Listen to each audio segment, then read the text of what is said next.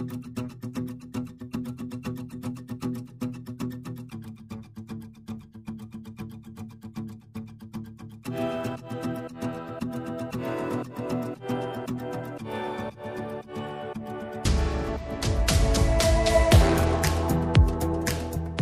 dobry Państwu. Dzień dobry.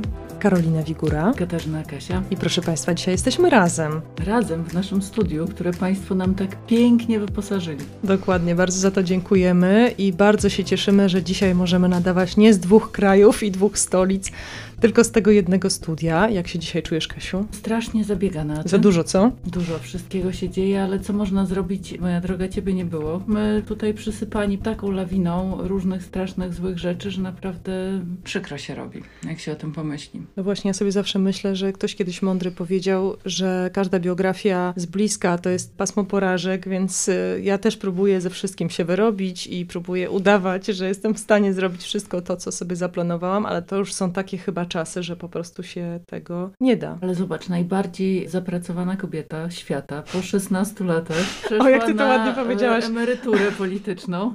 I to jest pierwsze pytanie. Co ona będzie robiła? Co dalej z Angelą Merkel? Jak ci się wydaje? Posłuchaj, ja mam od lat takie wielkie, wielkie marzenie, żeby spotkać Angelę Merkel. Może ona, jak będzie miała trochę więcej czasu i I wtedy... się spotka z nami. To się z nami I spotka. nam powie, jak ona to robiła przez 16 wejdzie, lat. wejdzie na K2 i wtedy będziemy mówić auf Deutsch. Więc nie wiem, co na to TVP, ale na pewno możemy spróbować.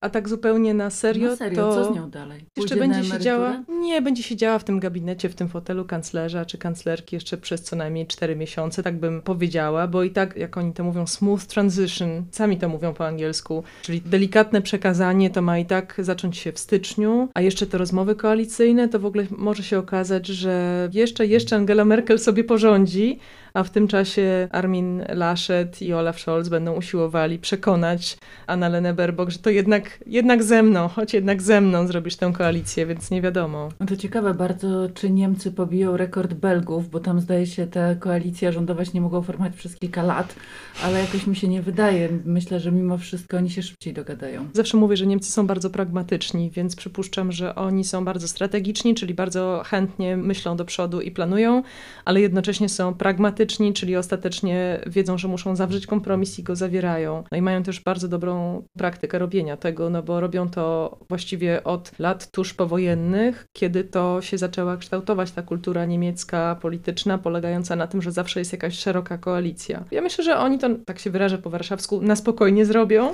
tylko że po prostu to jeszcze chwilę zajmie, to nie będzie tak. U nas koalicja natomiast jest coraz mniejsza, to widziałaś na pewno. Stoi na jednej nodze, no jeżeli PiS jest tym ciałem, to stoi już tylko na Solidarnej Polsce, no i ma taką protezę w postaci ruchu Pawła Kukiza, z tym, że to jest wszystko bardzo rozchwiane, niestabilne i cały czas twarz tego ciała jest zwrócona ku Konfederacji z bardzo szerokim uśmiechem. I tym można też tłumaczyć to, co się dzieje na wschodniej granicy, czyli taki pomysł na to, że Polska będzie krajem łamiącym konwencję genewską, będzie krajem, który w ukryciu dopuszcza do działań, które są po prostu tak dalekie od humanitaryzmu, jak tylko mogą być, bo na tej granicy umierają ludzie, nikt tego nie może obserwować. Stan wyjątkowy pan prezydent poparł, żeby przedłużyć o kolejne 60 dni. Sejm pewnie też będzie się dzisiaj tym zajmował. I A jak ty to tłumaczysz? Bo ja sobie tak myślę, że to, co obserwujemy, to jest problem z okrucieństwem. To znaczy, że już dawno nie byliśmy w Polsce postawieni twarzą w twarz z takim problemem. Okrucieństwo na co dzień dziejące się na granicy naszego własnego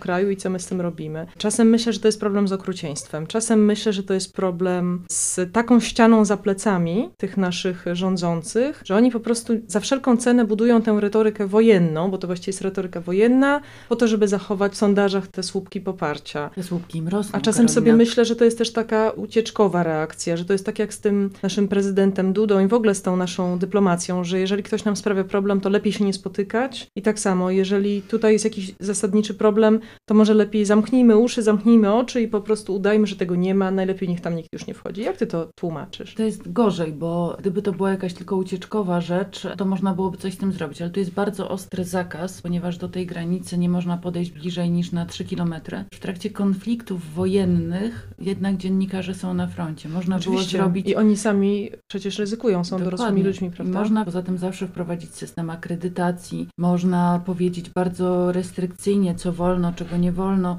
Można zrobić mnóstwo tego typu rzeczy, tego tutaj nie zrobiono. Polski Czerwony Krzyż nie podjął działań. To jest kolejna katastrofa. To jest niesamowite. To jest dramat. Zaczęłaś teraz okupacja, aktywiści okupują siedzibę Polskiego Czerwonego Krzyża.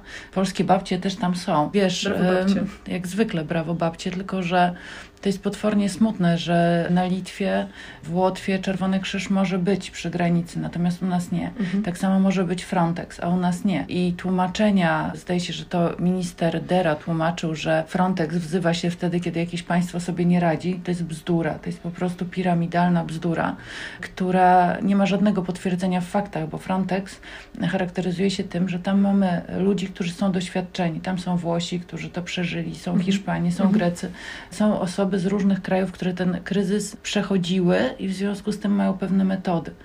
I to, co się dzieje teraz na polskiej granicy, jest dlatego przerażające, że tam będzie coraz gorzej, Karolina, że jeżeli Łukaszenka wymyślił sobie pewnie razem z Władimirem Putinem taki projekt właśnie hybrydowego zaatakowania Unii Europejskiej, to widać, że to działa. Na pewno działa w przypadku Polski.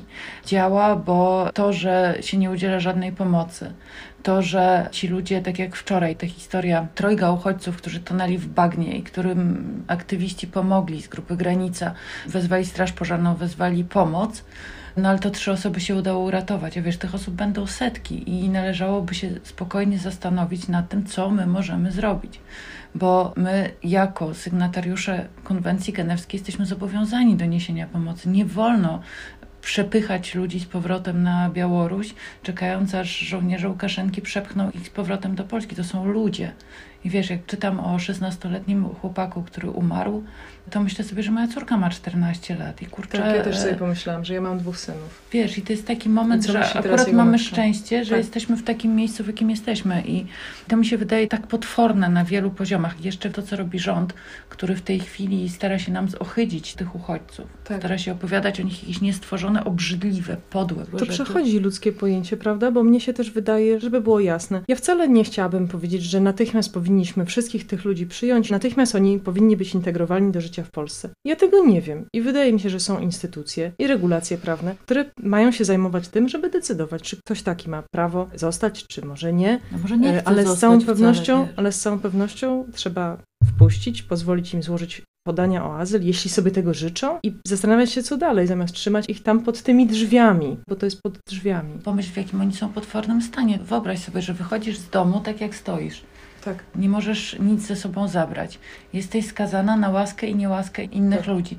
Jesteś w klimacie, który jest o wiele zimniejszy i mniej łagodny niż ten, do którego jesteś przyzwyczajona. Tam jest jeszcze jedna rzecz. Wiele się o tym mówiło, kiedy w 2015 Syryjczycy przyjeżdżali do Europy. Kiedy badano, kto to tak naprawdę przyjeżdża, to tam też wychodziły bardzo ciekawe rzeczy. To znaczy, że to nie są tacy po prostu jacyś przypadkowi ludzie, tylko to są ludzie, którzy są najbardziej zmobilizowani, bardzo często najbardziej wykształceni, najbardziej chętni do tego, żeby zmienić swoje życie i bardzo często oni mają przekonania, które są bliskie europejskim. Dlaczego oni tu przyjeżdżają? No dlatego właśnie, że uważają, że Europa to jest jakaś przestrzeń wartości, w których oni się znajdą. Taka trauma na wejściu wydaje mi się jednak czymś bardzo okrutnym znowu. Trauma to jest lekkie słowo, to jest koszmar, to jest śmierć na wejściu. To jest coś, z czym ja kompletnie nie potrafię sobie poradzić.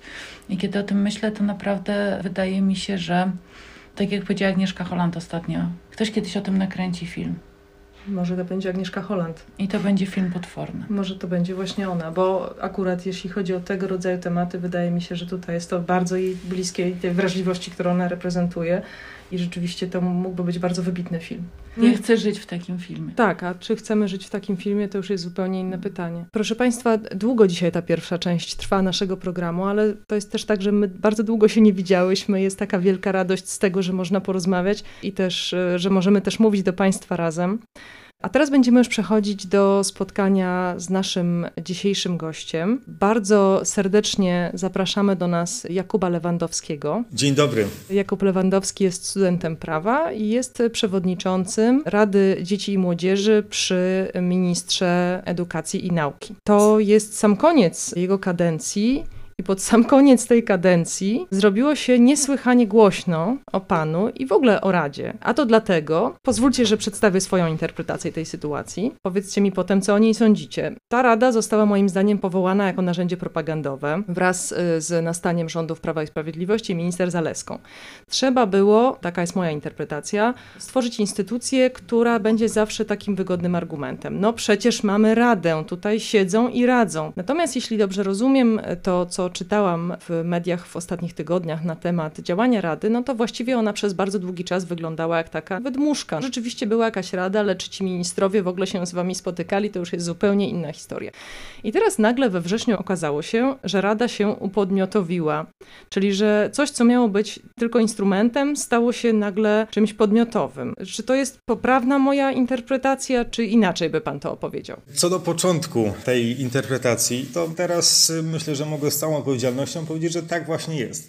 Że Rada na samym początku została powołana przez minister Zalewską po to, żeby nabrać jakiegoś takiego społecznego, środowiskowego przyzwolenia do reform, które chce wprowadzić. Mówię tutaj o likwidacji gimnazjów i wprowadzeniu ośmioklasowej szkoły podstawowej i czteroletniego liceum. Tak właśnie było. To, co chyba było zamierzone, stało się, urzeczywistniło. Wtedy przewodniczącym był teraz obecny współprzewodniczący Rady Dialogu, który faktycznie występował na niejednej konferencji i bardzo serdecznie chwalił zmiany minister Zalewskiej. Także to na początku miało spełnić taką właśnie funkcję, czyli łowiczanek na konferencjach premiera, czyli wokół ministra stoi młodzież, ona się uśmiecha, przyzwala, bardzo ładnie wygląda i przytakuje do tego, co mówi pani minister, no i teraz pan minister. Tylko, że w tym naszym przypadku, szczególnie w moim, no było trochę inaczej.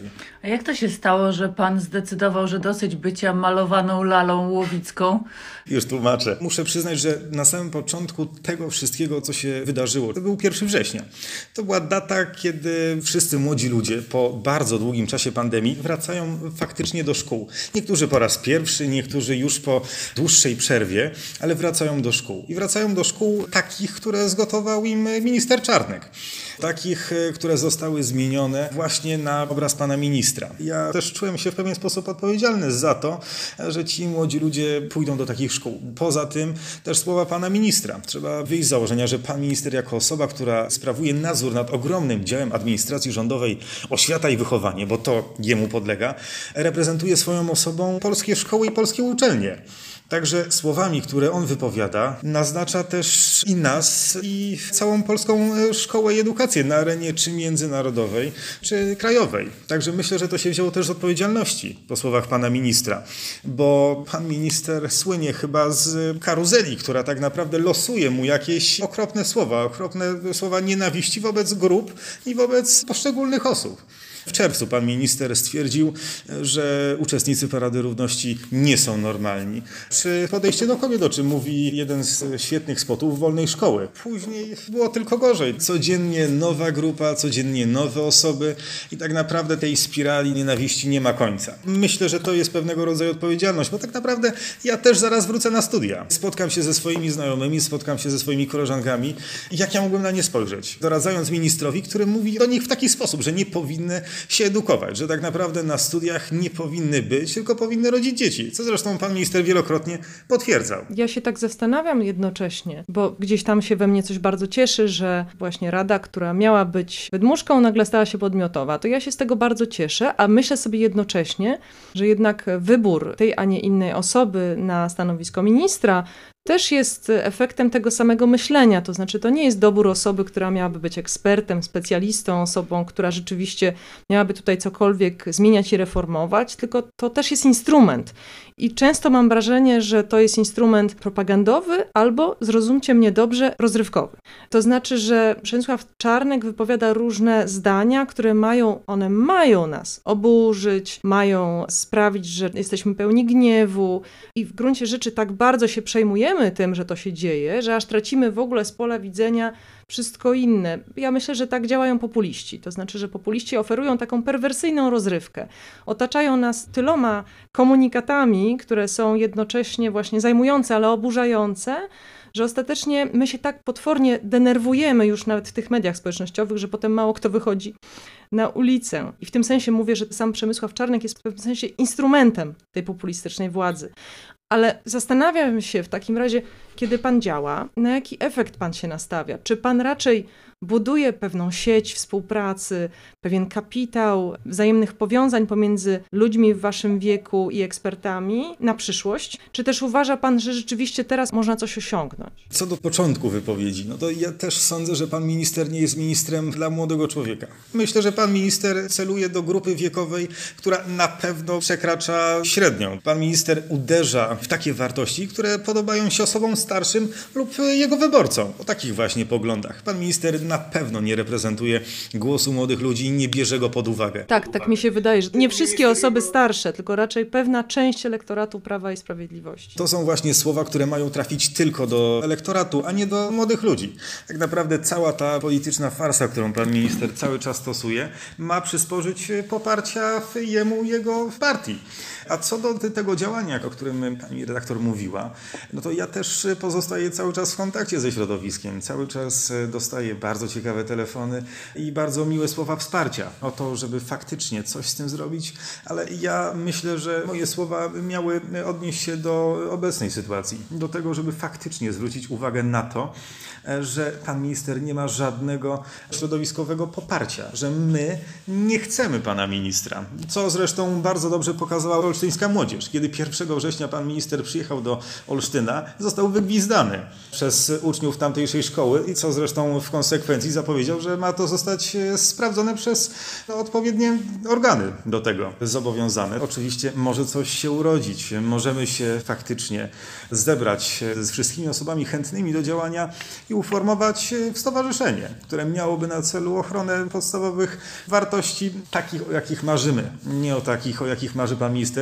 Czyli mówię tutaj o otwartości szkoły, o jej tolerancji, a nie szkole, która ma tak naprawdę być szczujnią, bo to nie jest nasz minister. No tak, tylko że mam dla pana złą wiadomość bo być może byłoby inaczej, gdyby przed rekonstrukcją rządu skończył pan szkołę i poszedł na studia, ale się pan nie wyrobił i pan minister Czarnek jest dalej pańskim ministrem, ponieważ on rządzi również polską nauką i szkolnictwem wyższym, a więc y, jest y, nadrzędny wobec wszystkich studentek, studentów, profesorek, profesorów, całej społeczności akademickiej.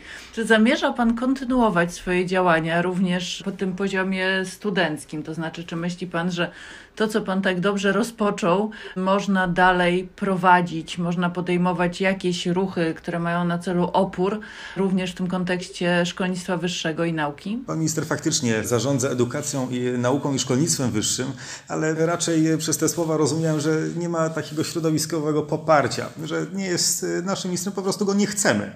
Może tak te słowa powinny paść. A co do dalszego działania, to cały czas otrzymuję też e, wiadomości, które pokazują to, jak ta szkoła ministra Czanka funkcjonuje. Od zwykłych ludzi, od zwykłych uczniów. Dostałem wiadomość z Koszalina od 17-latki, która opisała sytuację bieżącą, taką, z której nie może sobie poradzić, po prostu psychicznie. Że tak naprawdę nie ma żadnej pomocy w szkole, która teoretycznie powinna stać na straży wychowania i pomocy młodym ludziom. Także to jest też jeden z wielkich problemów, bo według statystyk 40% uczniów twierdzi, że ich stan psychiczny pogorszył się. Ale pan minister oczywiście uznał, że to jest jakiś chwilowy problem, a tak naprawdę zdrowie psychiczne jest bardzo ważne i ono teraz przez ten rok pandemii bardzo ucierpiało. Tak, ja się nad tym bardzo dużo zastanawiam, bo też wydaje mi się, że dzięki Bogu żyjemy w takich czasach, kiedy nie do końca musimy już ukrywać, jeżeli mamy jakieś kłopoty ze swoimi emocjami, ze swoim samopoczuciem. No chyba, że spotkasz pana ministra Czarnka i on ci powie, że nie jesteś równa ludziom normalnym. Tak, na pewno można się tego obawiać i to też jest pewien paradoks taki dla mnie, że z jednej strony jest nareszcie czas, w którym mówimy otwarcie o tym, że ktoś potrzebuje na przykład wsparcia psychologicznego, że właśnie pandemia jest czymś, co niesłychanie wpłynęło na naszą psychikę. Ja myślę, że to jest jak takie fale idące. Ja sama mam e, dwójkę dzieci w wieku szkolnym już w tej chwili. Ty masz z kolei córkę w wieku też licealnym. I widzimy, że ta pandemia jeszcze cały czas te fale się rozchodzą, nie tylko na nas, ale też na tych dzieciach. Ale z drugiej strony właśnie mamy ten regres w postaci Przemysława Czarnka i w ogóle też myślę populistycznego rządu, który pragnie rzeczywistość zamrozić. Znowu ucieczkowe dla mnie zachowanie. Nie widzę, nie słyszę, nie mówię, nie ma tego. To jest I dużo to- gorzej, bo to nie jest zamrażanie, to jest y, bardzo często atak na pewne grupy i zwracał Pan też na to uwagę, bo ten protest na przykład y, osób LGBT, które przykuły się przed gmachem ministerstwa dla mnie był przejmujący. Tak, to było wstrząsające. Tam są zresztą wstrząsające zdjęcia. Aleksandra Sawa, która tutaj czuwa jako wydawczyni nad naszym programem, wrzuci pewnie dla Państwa w komentarzu. Jeżeli Państwo nie widzieli tych zdjęć, to warto je zobaczyć, bo ta akcja, ja bym chciała jej pogratulować. To znaczy, nie jest to niczym nadzwyczajnym, kiedy powiem, że żyjemy w czasach obrazu, ale często właśnie z niepokojem patrzę, że tym obrazem i tym słowem lepiej operują ci radykałowie, a tutaj właśnie sprzeciw wobec dyskryminacji też był bardzo symboliczny, bardzo obrazowy i bardzo wiralny, jeżeli mogę tak się wyrazić, więc to była świetna akcja. Ja też e, widziałem dzisiaj te zdjęcia spod resortu z e, Szucha i faktycznie to jest konsekwencja tych słów, które padają każdego dnia. Tak naprawdę homofobia zabija po cichu i o tym się głośno nie mówi. Osoby, które cierpią zazwyczaj nie wychodzą na światło dzienne i też e, kiedy już dochodzi do takiej sytuacji, że oni nie mogą sobie poradzić, nie mają gdzie tej pomocy szukać. W szkole ministra Czarnka niedługo przestanie chyba istnieć takie pojęcie jak e, różnorodność czy inna orientacja. Na ile pan widzi taką możliwość, żeby ta Rada Dzieci i Młodzieży, żeby ona też się konsolidowała? Bo sporo było też takich zdań na temat tego, że zdania są podzielone w samej Radzie. Problemem jest y, wybór członków Rady, bo wybór polegał na wyłonieniu poprzez zgłoszenia, które wpłynęły do Ministerstwa Edukacji i Nauki bez żadnego trybu. Po prostu jacyś urzędnicy oceniali, czy jakieś gremium, no mniej lub bardziej obiektywne, myślę, że mniej, osoby, które najbardziej odpowiadają poglądom, czy raczej przekonaniom pana ministra. Myślę, że w przyszłej Radzie, bo taką radę zapowiedział znowu pan minister, ta selekcja będzie dużo bardziej starana niż w przypadku mnie i w przypadku tej kadencji. Myślę, że będzie tylko gorzej. Czyli tak naprawdę jedyną szansą jest to, że Państwo powołają stowarzyszenie, które będzie takim gabinetem cieni, czymś takim w stosunku do tej rady, którą minister Czarnek na pewno sobie utworzy, no bo Ma takie prawo i na pewno wybierze doradców, którzy już nigdy nie będą sprzeciwiać się jego słowu. I sądzę, że oni też będą występować na konferencjach, o ile zostaną zaproszeni, bo my nie byliśmy zaproszeni przez 10 miesięcy. Pan minister nauczy się, uczy się na błędach i tego błędu już nie popełni, żeby do rady dołączyć kogoś, kto ma inne spojrzenie na rzeczywistość, ktoś, kto nie różni się w sumie od jego urzędników, czyli nie przytakuje jego, jemu pomysłom, tylko ma krytyczne inne spojrzenie. No takie, jakie ma, sądzę, że większość, mogę tak powiedzieć. To ja Wam powiem, że dla mnie to jest też takie ciekawe zagadnienie związane z tym, czy współpracować z politykami, z którymi się zupełnie nie zgadzamy. To znaczy, że w gruncie rzeczy, gdyby nie to, że w Radzie znalazł się Pan i pewnie też ileś osób, które po prostu w sposób odważny mówią, tak się nie robi, tego nie wolno robić, to w gruncie rzeczy może nie mielibyśmy tej całej wielkiej dyskusji, która w tej chwili się odbywa, No, tylko odbywałyby dyskusję. się tylko te ciosy, o których ty mówisz. Tego się nie da wytrzymać, ale ta dyskusja ma o wiele większą siłę właśnie dlatego, że państwo są w tej Radzie. Pewno. Czyli, że jednak Ale warto, tak? Znaczy, że warto w sposób są taką e, niespodziewanym. niespodzianką, myślę, niemiłą dla e, Ministerstwa Edukacji. Tak jest. My bardzo, bardzo dziękujemy. To była dla nas y, niesłychanie ciekawa rozmowa dzisiaj i bardzo dużo się nauczyłyśmy. Bardzo wspieramy i życzymy powodzenia. Ale przede wszystkim życzymy Państwu siły, żeby to wszystko wytrzymać, bo ja myślę, że tylko w takiej jedności i w tym, żebyśmy sobie uświadomili, że jeżeli chodzi o edukację, to ona się zaczyna w przedszkolu, a kończy habilitacją i że na to wszystko trzeba patrzeć jak na jeden proces. Dopiero w tym możemy być silni, bo jak się będziemy dzielić na jakieś tam kawałki poszczególne, to zawsze wytracamy rozpęd.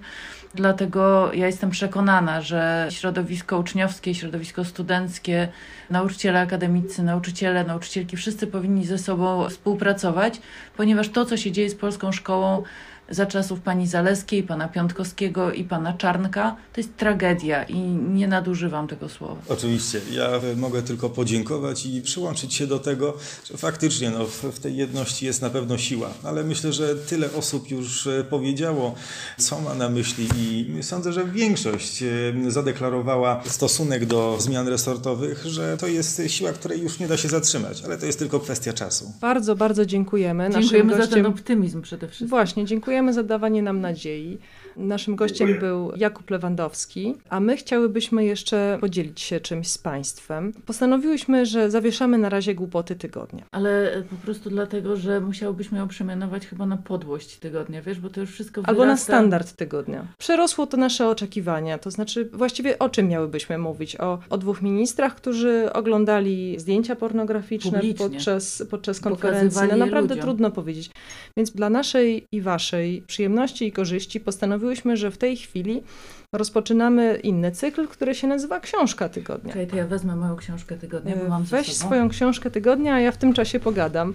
Ja chciałam Państwu coś polecić y, i Katarzyna Kasia też Państwu coś poleci. Ja wirtualnie, bo nie istnieje to, o czym za chwilę powiem w formie papierowej książki.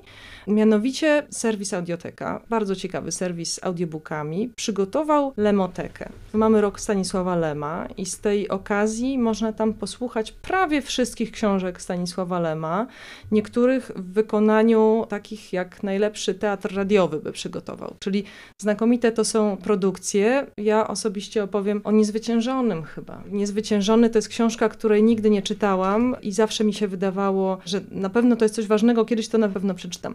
Teraz y, siedząc w Berlinie podczas dłuższych już jesiennych wieczorów miałam czas, żeby posłuchać tego Niezwyciężonego, w którym narratorką jest Krystyna Czubówna, gra tam m.in. Daniel Olbrychski, więc plejada. Jest tam też znakomita muzyka i bardzo to serdecznie Państwu polecam. Całą lemotekę, ale bardzo i wyjątkowo tego właśnie Niezwyciężonego, który jest książką o tym, jak ulotna jest nasza jaźń, nasza świadomość jako ludzi, jak cieniutka kora mózgowa pokrywa naszą głowę, jakie to jest wszystko relatywne, jak cenna jest przez to nasza kultura, dopóki ją mamy i dopóki jej nie, nie niszczymy.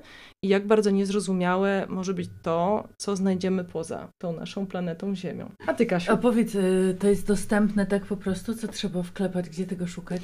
Trzeba wklepać niezwyciężony i można przynajmniej jakiejś Ale na części... stronie audioteki, tak? Ale można też znaleźć na YouTubie. Okej. I przynajmniej jakiejś części można posłuchać za darmo. To jest spora część, bo książka jest gruba i tam zawsze pewien procent jest do wysłuchania. Bardzo serdecznie polecam. Ja mam książkę papierową. Ta książka O, e, nosi tytuł O choroba. I to jest książka O, nasz niezwykła. ilustrator z kultury liberalnej, Tak, Max to jest Skorwider. książka e, Bogusia Janiszewskiego i Maxa Skorwidera. To jest niezwykle odważna książka, trudna książka, piękna książka. Odważna dlatego, że autorzy podjęli się zadania, które by się wydawać mogło nie do zrealizowania, bo to jest książka dla dzieci o raku. Główną bohaterką jest Adela, chora na białaczkę. Dziewczynka, która się spotyka ze swoją chorobą. To jest komiks, który się czyta bardzo dobrze, chociaż się nad nim trochę płacze, a trochę się człowiek śmieje. Tu mamy Adelę, jak w trakcie chemii włosy wypadają. To jest y, książka, której nam brakowało moim zdaniem, bo w ogóle jest potwornie trudno rozmawiać o raku i o now- chorobie nowotworowej, a jeszcze trudniej, kiedy mówimy o tym kontekście, że ta choroba nowotworowa dotyka dzieci. Myślę, że to jest super ważna książka i dla dzieci, i dla rodziców, bo to jest książka, z której się można dużo dowiedzieć w ogóle o sobie, o tym, jak jest zrobione nasze ciało, jak ono funkcjonuje, na czym polega choroba nowotworowa, na czym polega jej leczenie, na czym polega na przykład chemioterapia, tutaj przedstawiona jako takie oddziały czerwonych beretów, którzy bez litości atakują wszystko, co złe w organizmie, ale niestety no, nie mogą na tej wojnie być za bardzo precyzyjni, więc czasami też zdarza im się atakować zdrowe, dobre komórki. Dlatego na przykład człowiekowi włosy wypadają. I to jest naprawdę książka, którą Państwu polecam z pełnym przekonaniem. Co więcej, i to jest bardzo ważne, ta książka, która jest całkiem sporą cegłą, na dodatek jest cegiełką, ponieważ e, całkowity dochód z jej sprzedaży zostanie przeznaczony na wspieranie działań Fundacji Iskierka. To jest taka fundacja, która od bardzo wielu lat zajmuje się sprawowaniem opieki nad dziećmi chorymi na chorobę nowotworową oraz ich rodzinami, bo to wsparcie rodzin trochę w nawiązaniu do tego, o czym rozmawiałyśmy z panem Jakubem i takim brakiem totalnym opieki psychologicznej, wsparcia, to właśnie takie fundacje się zajmują udzielaniem tego wsparcia i dlatego z pełnym przekonaniem rekomenduję zakup tej książki, bo jak się ją kupi, to się wesprze bardzo potrzebne działania. To wydawnictwo Agora ją wydało. Bardzo Ci dziękuję. Ja też na pewno tam zajrzę. Brzmi niesamowicie ciekawie. Bardzo Państwu to polecamy. Dziękujemy Państwu za uwagę. Dziękujemy Aleksandrze Sawie za wydanie programu. Przypominamy, że Widok z K2 to środowa odmiana naszego podcastu kultury liberalnej. My w środę, jutro Jarosław Kuisz, w piątek Kuba Bodziony. Oni też bardzo serdecznie Państwa zapraszają, a my dziękujemy bardzo serdecznie za wsparcie na patronite.pl, a także wsparcie dobrym słowem i serdecznie pozdrawiamy. Widzimy się za tydzień. Do zobaczenia. Do zobaczenia.